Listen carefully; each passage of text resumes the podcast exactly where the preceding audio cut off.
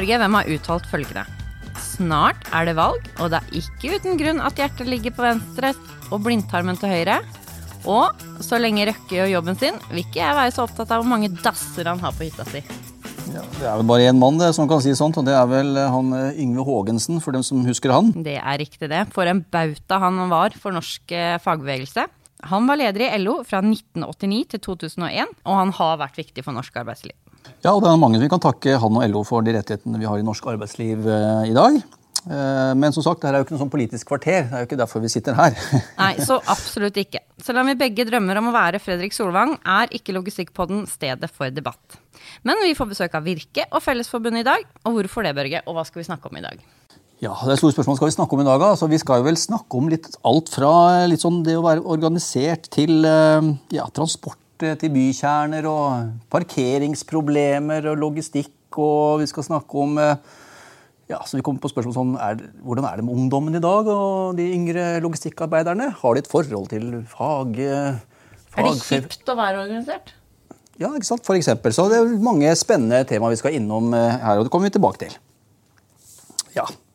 Skal vi begynne, da? Velkommen til Logistikkpodden, Bjørn jo Jonassen fra Fellesforbundet og Morten Sandberg i Virke. Takk. Takk.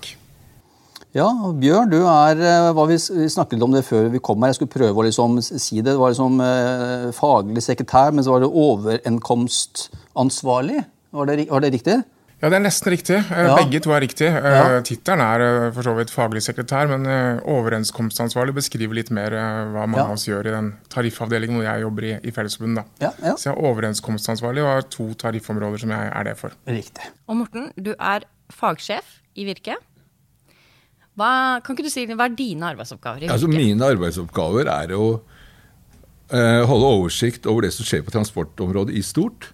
Og særlig på de problemstillingene som er viktige for medlemmene våre.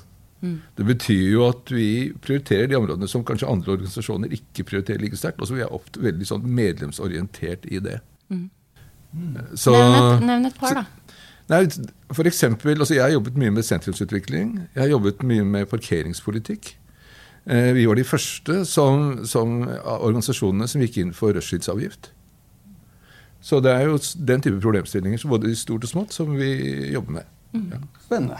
Fellesforbundet. Um, hvem er medlem her, uh, og hva er det viktigste dere jobber med om dagen? Altså det viktigste Fellesforbundet uh, jobber med for sine medlemmer, som stort sett uh, består av alt fra industri, bygg, lager, bussjåfører, taxisjåfører. Vi er det største forbundet da i privat sektor og har 165 000 medlemmer ca. Bortimot. Og det vi jobber med i tillegg til en, en god lønn, er jo skikkelige arbeidsforhold. Og det er like så viktig det med ordentlige arbeidsforhold som, som, en god lønn. Det er ikke sånn at fokus er kun på lønn, fokus er også på andre ting for å, at arbeidstakerne skal få en, en verdig arbeidstak. Så er det vi jobber mye med hele tiden. Så prøver vi også samtidig å, å følge med i, i utviklinga, som er spennende for tida. Jeg var inne på det her liksom i starten, Bjørn. Altså det her med altså kommende generasjoner. Hva, liksom, hva, slags forhold har de til, til, si, til Fellesforbundet, det å være fagorganisert? Føler man at det, en, at det står sterkt den dag i dag? Vi føler det, for vi har eh, store grupper med, med, unge ansatte. Ikke minst masse lærlinger som skal inn i eh, viktige håndverksyrker. og de ser vi kommer til eh, Fellesforbundet og, og, vil eh, melde seg inn gjennom uh, våre lokalapparat og regionsapparat, så kommer de til uh, Fellesforbundet og, og, vil være medlemmer. Og, og, det tror jeg de gjør fordi at de ser at det nytter. Vi er synlige, og de ser at Fellesforbundet for dems del, som, hvor vi organiserer, er, er, der ute og gjør en jobb for hele arbeidsstokken. Fra lærling til pensjonist. Så, så jeg har inntrykk av at Eh, de unge arbeidstakerne, i hvert fall som sagt innenfor eh, våre eh, grupper nå, er strømmer til oss også og vil være medlem.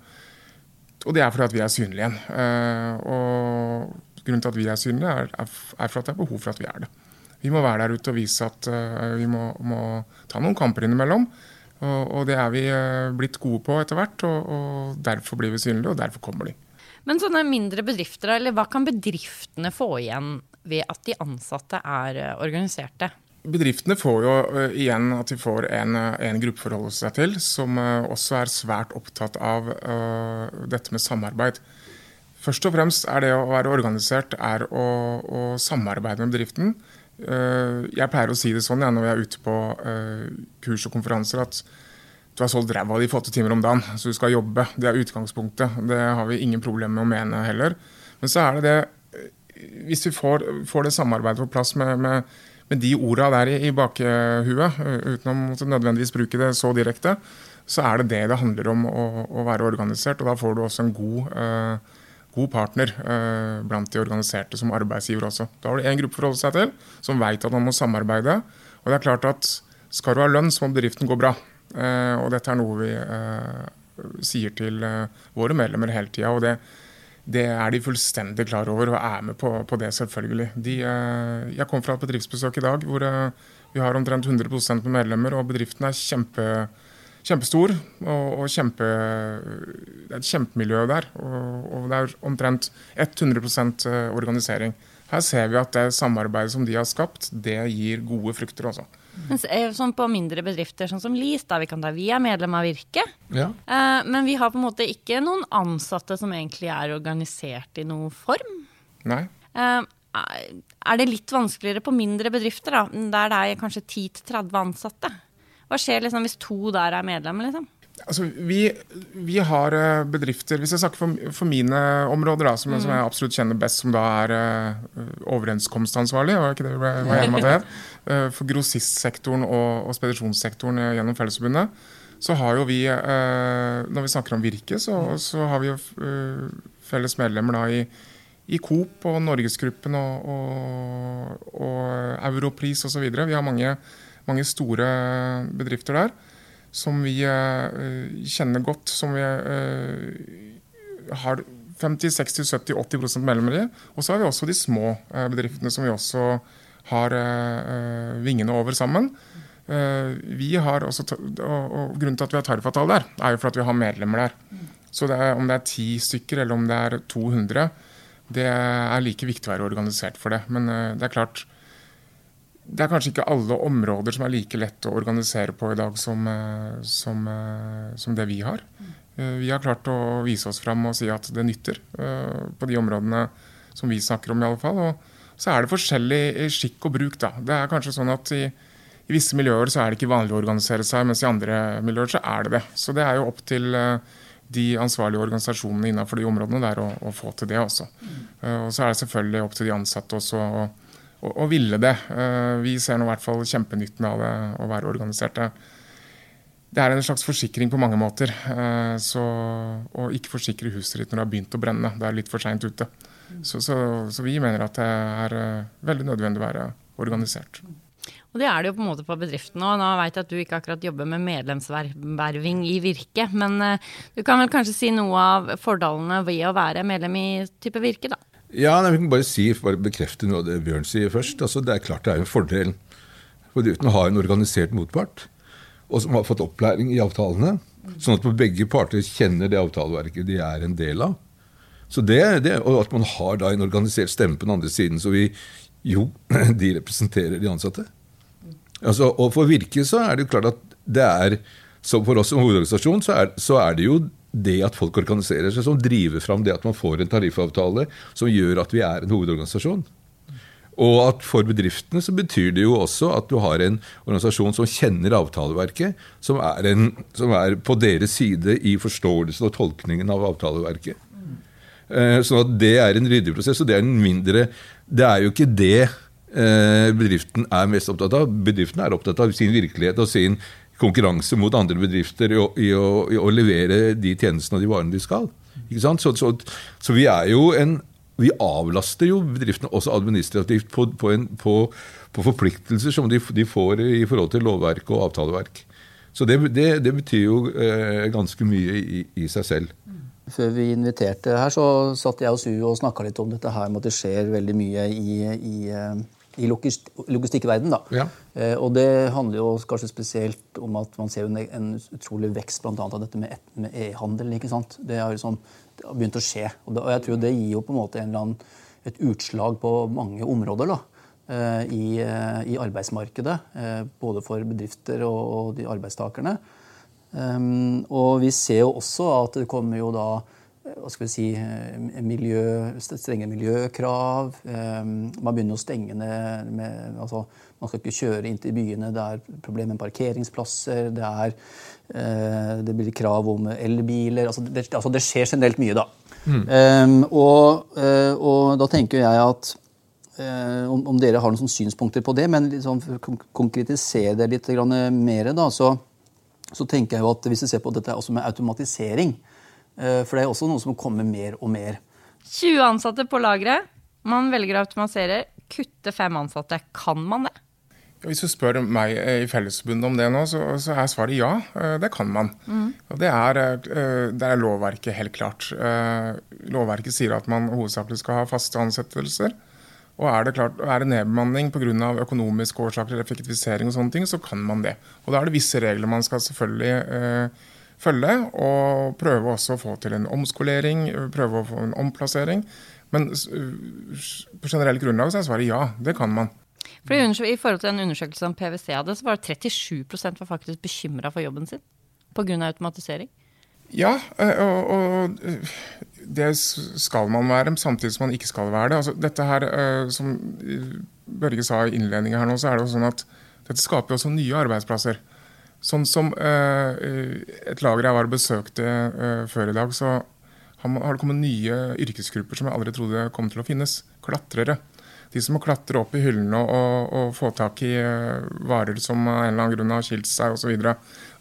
Selv om det er en liten gruppe, så kommer det nye ting. Og, og det er klart at automatiseringa uh, krever at man får folk med mer kompetanse på det. Og da uh, må bedriftene også være gode på det. og der tror jeg Virke og Fellesforbundet har sett litt sammen i, i krystallkula. Og i lønnsoppgjøret i fjor så fikk vi inn eh, et kompetansebilag. Altså, vi har et kompetanseutvalg kan du si, som gjør at man kan som medlem i Fellesforbundet kan gå og kreve, søke midler til om skal si, utdannelse innenfor det man holder på med, eller utenom. dette gjelder fra 1.1 neste år. Og vi har allerede merka at det er mange som, vil, som, er nysgjerrig på det her. Hva betyr det? Er det bare på min egen arbeidsplass, eller kan jeg utdanne meg ut av yrket? Og Det tror jeg man skal være glad for som arbeidsgiver òg, at man øh, faktisk kan utdanne seg ut av yrket. Kom og stjel våre ansatte, var det et firma som hadde her øh, som, som, som, mantra og, og et budskap ut. Eh, jeg tror nok at mange av de store i hvert fall er flinke til å videreutdanne sine egne ansatte til, til automatisjon og robotiseringa som vi ser kommer. Men samtidig så skal vi også se at vi trenger ny arbeidskraft. og Blant de unge nå da, så er det viktig eh, for, for dem å, å, å, se at man kan få de mulighetene. Både gjennom arbeidsgiver, men også i det fondet som Virke og Fellesforbundet nå har blitt enige om, og, og som vil begynne å leve fra neste år. da. Nei, og sånn som vi snakker med vareeierne, så er de jo veldig positive. For de ser for seg en vekst istedenfor Kanskje de ikke må ansette like mange, da. Men det er ikke snakka med mange vareeiere som rett og slett tenker nei, nå må vi ned ved bane fordi vi automatiserer. Nei, f.eks. Coop, som var først ute med et fullautomatisert, stort stort lager som er hypermoderne. Der var man også redd for at nå måtte mange, mange, mange slutte. Tvert imot. Eh, der er det kjempemange ansatte. Det de, de går døgnet rundt der, det er behov for det. Eh, det er kapasitet til det, men da må man også ha ansatte.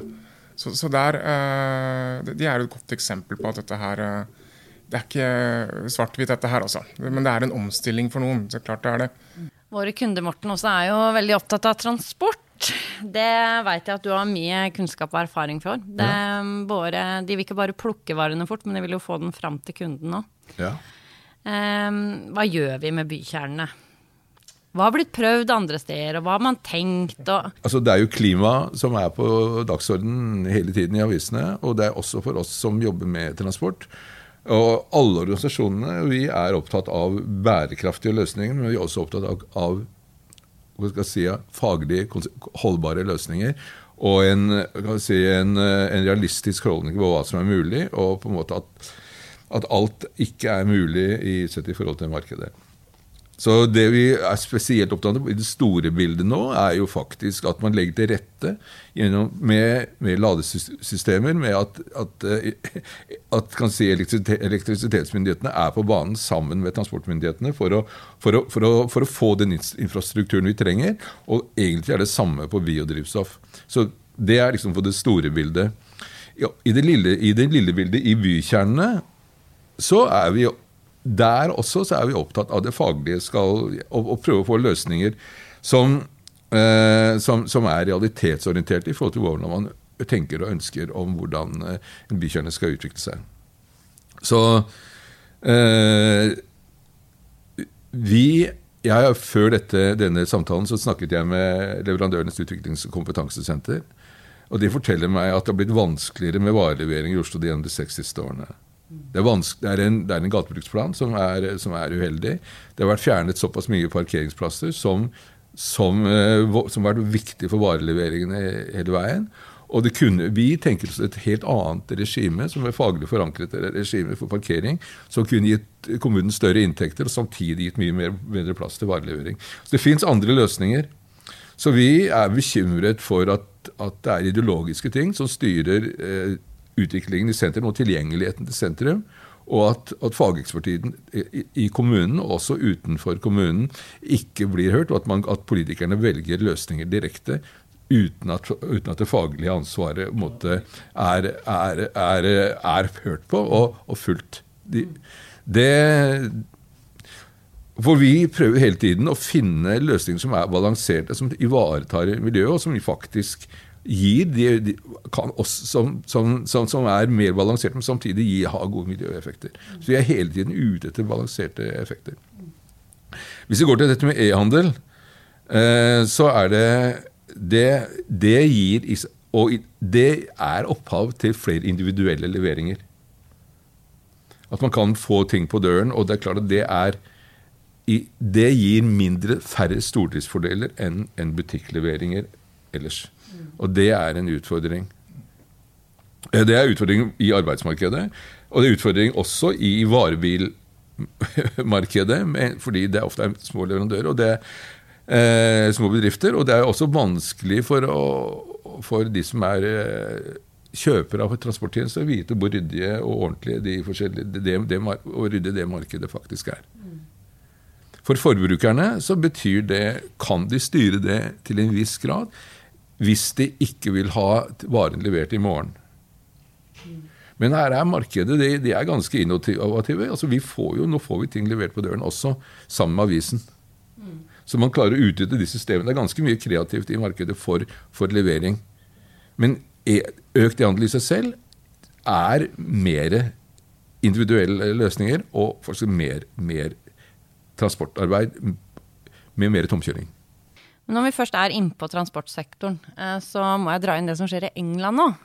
Um, for der har også Fellesforbundet vært ute og etterlyst seriøsitet i bransjen. Fordi nå begynner det å bli tomt i hyllene. Uh, jeg har alltid trodd at det, det, kommer alltid til å være mat i butikken. Men man har et problem med transportbransjen i England. Kan det skje i Norge? Ja, altså... Uh vi i Fellesforbundet har jo sett dette her uh, gjennom mange år, faktisk. Uh, før vi også ble en del av Fellesforbundet, så var jo da vi Transportarbeiderforbundet, så var det jo vi som kanskje fikk mest spørsmål og så mest på det. Nå har vi tatt med det inn i Fellesforbundet for enda bedre kompetanse og enda bedre muligheter til å svare ordentlig på det. Og det vi ser nå, som vi har, som sagt har tatt med oss videre, er jo at for noen år siden så, så, kan jeg huske da vi satt, uh, uten at du var med på det, Morten, men satt i Virke i lønnsforhandlingene, og da ville Virke i grossistavtalen, som er, som uh, er en, en, god avtale for all del, men de ville da skille ut eh, sjåførene fra den avtalen og få de på en annen en som, som betalte noe mindre da, enn en grossistavtalen. Den diskusjonen ble det slutt på for flere år siden nå, fordi nå ser man at man trenger sjåførene. Og ikke trenger man bare en sjåfør, man trenger de gode, stabile sjåførene også. Så, så det er klart det at dette har noe med, med, med ser på England og om det kan skje i Norge. Ja, det kan skje i Norge. Eh, hvis vi, har vi ikke sjåfører, så får vi ikke ut varene heller. Men nå er det klart, nå er det litt spesiell situasjon. Nå er det jo i England så er det pga. at uh, det er utlendinger som har kjørt, som nå har reist hjem Også, og det er den ene delen av det, pandemien. ikke sant? Uh, også den andre delen er jo det det vi for noen år siden kalte 1000 euro-sjåfører. Uh, det betyr at de fikk 1000 euro i måneden, er nå 600 euro-sjåfører. ikke sant? Her begynner det å bli en så utnyttelse av disse sjåførene, så, så det, det, vil rase til slutt. Og da til slutt så står vi uten sjåfører. Uh, men i Norge, og hvis vi ser på de store matvarekjedene innad i Norge, i hvert fall, da, så er jo de med, med, egne ansatte sjåfører Eh, blodseriøse. Men så er det eh, de som leverer eh, varene til frukt, grønt osv. fra utlandet. Der er det nok lett å tro at man har kontroll over sine leverandører. Men så er det underleverandører, og så er det underleverandører. altså. En byggeplass i Oslo kan ha 137 forskjellige firmaer. ikke sant? har vi jo avdekka i, i Fellesforbundet. Så, så er det sånn Jeg tror ikke det er, sånn, det er et skrekkscenario. Men man må ta disse sjåførene på alvor. Det er et fag, og, og det er et uh, viktig yrke. Uh, så hvis du, hvis du ikke behandler dem riktig, så forsvinner de jo. Og, og da kan vi komme i den situasjonen. Så ære, våre, ære være våre gode sjåfører, altså. Ja, nei, altså Det er sjåførmangel. Ikke bare i Norge, men i hele Europa. Og vi er også opptatt av at det er for få tungbilsjåførlærere i Norge. Og at systemet for, uh, for tungbilsjåførlærere har, har, har, for lav kapasitet. Uh, men, men, det er en utfordring, reell utfordring for hele Europa at, uh, at, at de som er tungbilsjåfører, blir en stadig eldre gruppe. At de går av med pensjon, og at de, de, vi trenger å få en opplæring til yrket som også respekterer hva slags teknisk materiell de, de har ansvar for. Og det er jo ikke så mange 18-åringer i dag som tenker at jeg skal sette av 150 000 til å ta uh, lastebilførerkort. vet du. Så da må man oppmuntres til det på, på, gjennom uh, skoleverket, gjennom kanskje lærlingordninger osv. Uh, men da må det være også en annen gulrot på sida. Da snakker vi lønn. Mm. Den må også være riktig. Sånn gjelder det for mange arbeidsgrupper, selvfølgelig.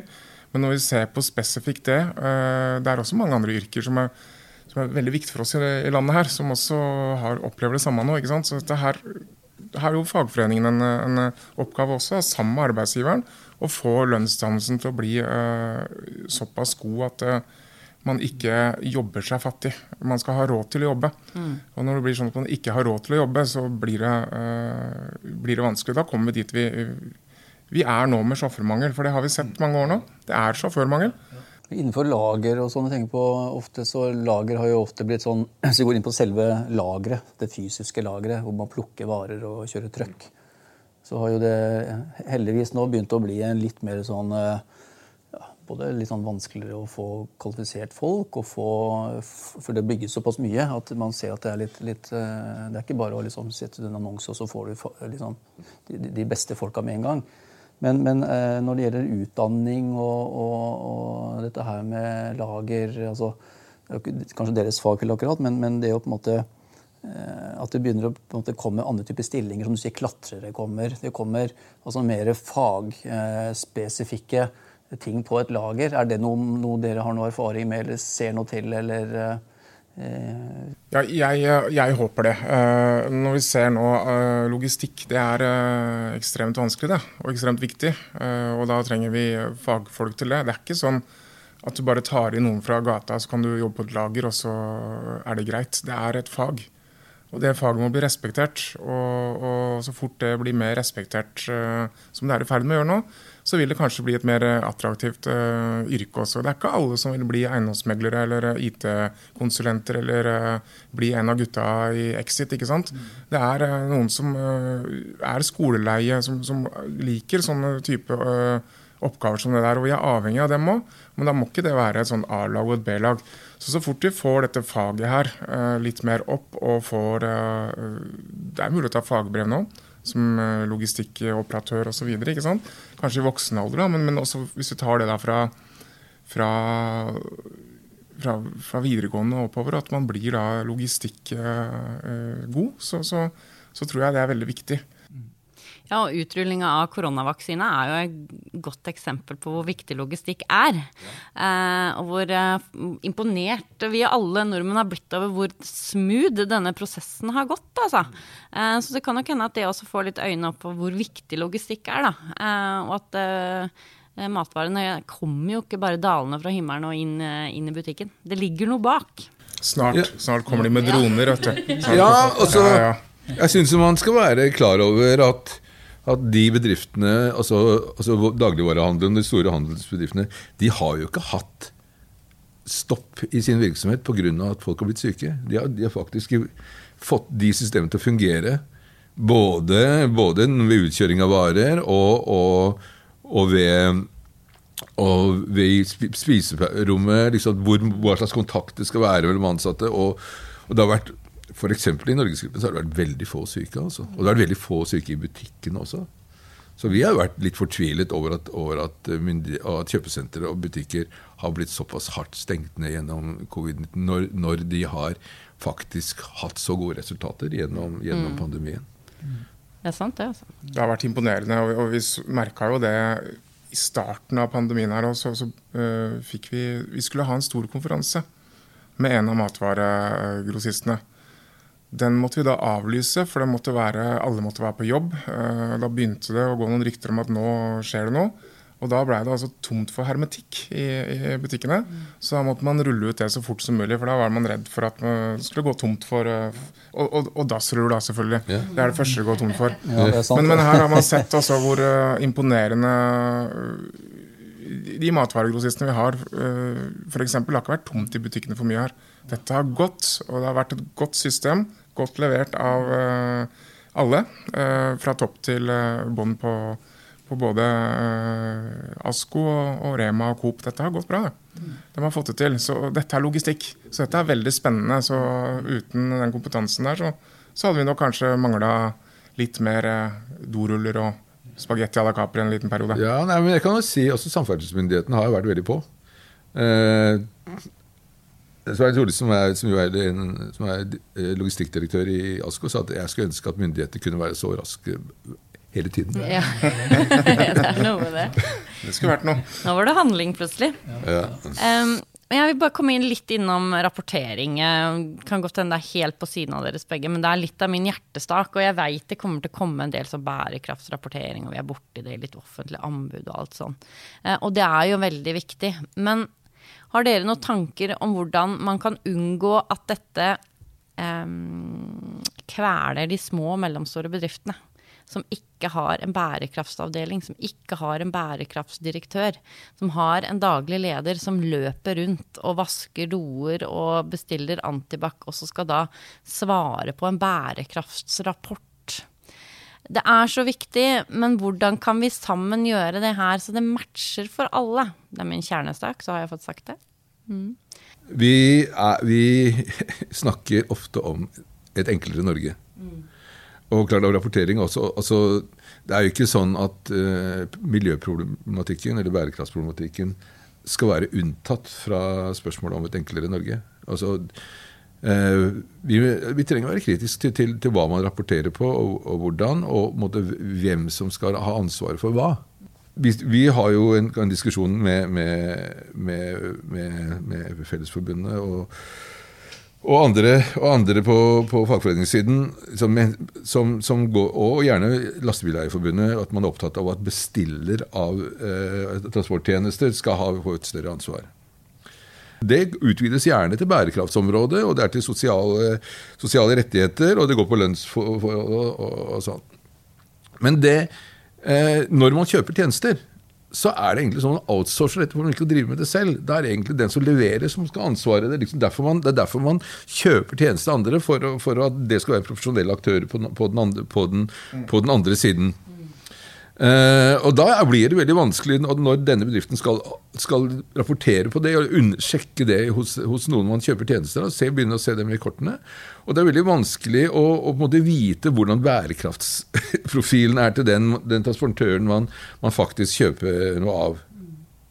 Så det er jo en med, med mange, en del rapporteringskrav og bestillingskrav, så løfter man ansvar fra myndighetene til bedriftene. Så, så jeg tror at det, der skal man være, være veldig forsiktig.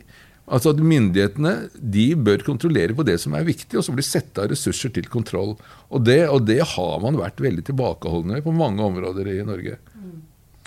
Før man gir legg, pålegger mindre bedrifter og andre et veldig stort rapporteringsansvar, skal man vite at den informasjonen faktisk blir brukt til noe. Og, man, og når man planlegger for det, skal man forstå hvor mye tid det går, går til det, for å se om dette, dette, er verdt det, eller om man kan gjøre dette på andre måter, eller andre skal påta seg de oppgavene, for å sikre at det som er målet med dette, nemlig at ting blir mer bærekraftig, faktisk blir oppnådd.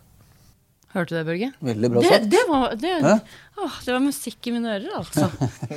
ja, nei, men det er eh, Det er sikkert ikke lett å få til, men, eh, nei.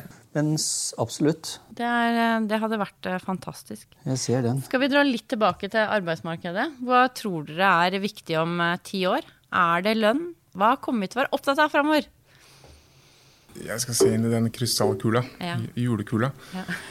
Nei, eh, klart lønn er, er jo der. Det er jo forutsetninga for å kunne uh, ha et, et, et, et, greit liv, er jo at du har et sted å bo, blant annet, og kanskje har en livskvalitet. Da.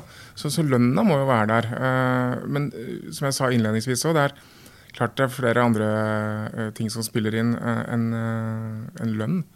Det er også miljø på arbeidsplassen. Er det greit å jobbe der du er hvordan ser det ut altså, Det er så vanskelig å, å, å se for seg, da, men det er jo litt sånn som nå. Uh, man må trives på jobb, og så må man ha en, en grei lønn uten å, å jobbe seg fattig. da, ikke sant? Så, men det er ikke sånn Lønn, lønn, lønn. Dere er så grådige, dere skal bare ha, ha, ha, ha. Uh, får fagforeningen ofte uh, høre. Men det er ikke sånn også. Det er mange andre ting som spiller inn enn en bare lønn. Og det er ikke noe greit å ha en, en dritbra lønn hvis, du, hvis du hater jobben din. Så her hører det sammen. Jeg, jeg kjenner mange som sier at nei, vet du hva, jeg orker ikke jobbe med det her lenger. Jeg vil heller begynne med det. Ja, Men da kommer du til å tjene mindre. Ja, jeg veit det. Men jeg kommer til å trives bedre, jeg kommer til å ha et bedre liv. Så alt her hører sammen, da. Men det er vanskelig å, å se for seg hvordan det blir. Men reisevei til jobb, alt sånt her vil spille inn da også. Hvordan kommer man seg til jobb? Er det bare er det, er det, veier? Er det fly? Er det droner? Altså, ikke sant? Det er Ingen, hvem vet, veldig vanskelig å vite, altså. Ja, Men ja. Trygghet og, i bånn er uh, det viktigste uansett. Da. Nå, nå, nå om ti år. Har dere i Virke noen tanker om fremtidens arbeidsliv? Det er sikkert mange som har tanker om det hos oss. Nå er det ikke sånn at jeg har ikke, jeg har ikke diskutert det med noen hos meg. Så det, hvis jeg skal si noe, uh, så må det bli det jeg egentlig mener selv. Ja. Uh, jeg tror at basic-kompetanse er, er, viktig. Jeg tror faktisk at skolen i dag er blitt for akademisert. Og blitt for store krav til språklige ferdigheter på et avansert plan enn det var tidligere. Mye mer enn det var tidligere. Eh, det er jo sånn at gymfaget er nesten blitt et teorifag. At håndverksfagene liksom ikke har en ordentlig plass i, i skolen. Og at man ikke forstår forholdet mellom kunnskap og ferdigheter. Så jeg tror at man trenger kompetanse, og holder mange inne for å ha kompetanse. Sånn at man også har en selvfølelse eh, og en trygghet i seg sjøl. Som man får med seg gjennom skoleverket. Så det er så det er veldig viktig at vi på en måte ikke får mange som faller utenfor, sosialt og, og, og ellers. Ja. Ja. Spennende. Jeg tenker litt sånn avslutningsvis også Nå blir jo litt sånn, eh, som sagt, nå er det jo litt synsinger fra alle oss her, sånn, så det er jo litt hva vi, tenker og tror. Men som sagt, vi er jo Logistikkpodden. Eh, det skjer mye logistikk. Netthandel og e-handel, som jeg sa. Vekst, miljøkrav, automatisering. Skal vi avslutte på å synse litt rundt det, kanskje? Altså, hva, hva tenker Virke om, eh, om, om framtiden eh, sånn personlig? Hva, man føler, hva, hva, tenker man med de livserfaringene man selv har på hvordan eh, verden Transport Hurtig frak... Altså, hvordan fungerer verden om noen år? Vi skal si det store bildet så er det nok sånn at hva som transporteres, bestemmer hvilken transportform man bruker. Og så, og så, må vi få til en eh, og og tidskrav, altså hva som skal gå med fly, hva som er små pakker, hva som, eh, hva som er tunge ting, som er massetransporter. Det er veldig styrer det store bildet av transport.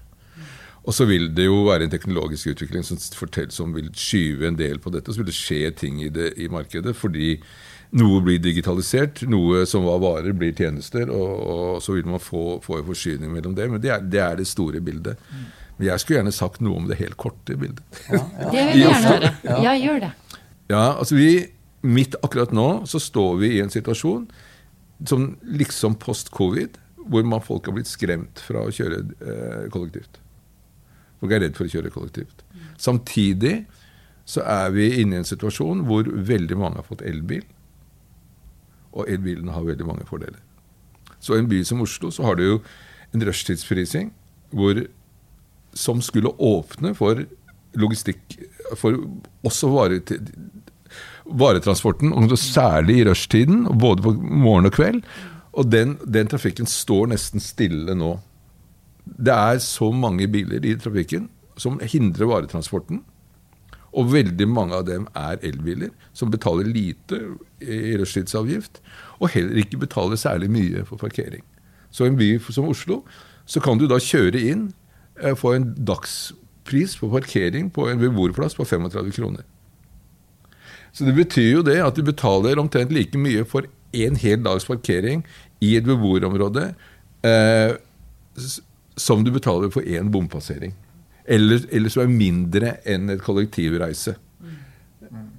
Det er med på at man ikke klarer å rydde opp i, i de tingene nå, og ikke man tar, gjør, på en trafikkbilde som blir vanskeligere og vanskeligere, som var veldig ryddig før covid, det, det, det, savner jeg at man faktisk er opptatt av og klarer å se.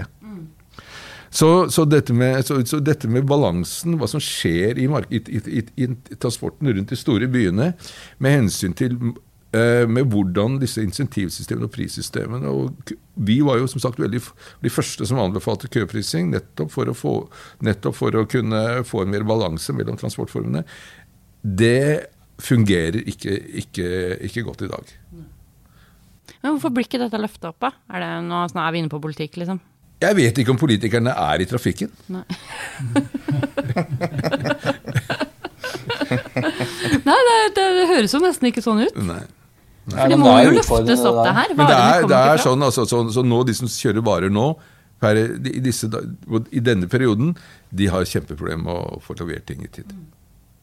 Det var eh, to uh, smarte menn vi hadde på besøk i dag. Ja, det var veldig uh, interessant. Og det er jo så mange temaer man kunne snakke om og toucha innom her som vi ikke har fått gjort. Mm. Men det kan jo være en oppfølging, en oppfølging og sånn, så se hvordan vi kan få prate mer. Det er jo veldig veldig viktig. Men eh, ja, klokken si går. Tusen takk til eh, Morten og Bjørn. Ja, vi bare avslutter der. Og tusen hjertelig takk for at dere tok dere tid å komme.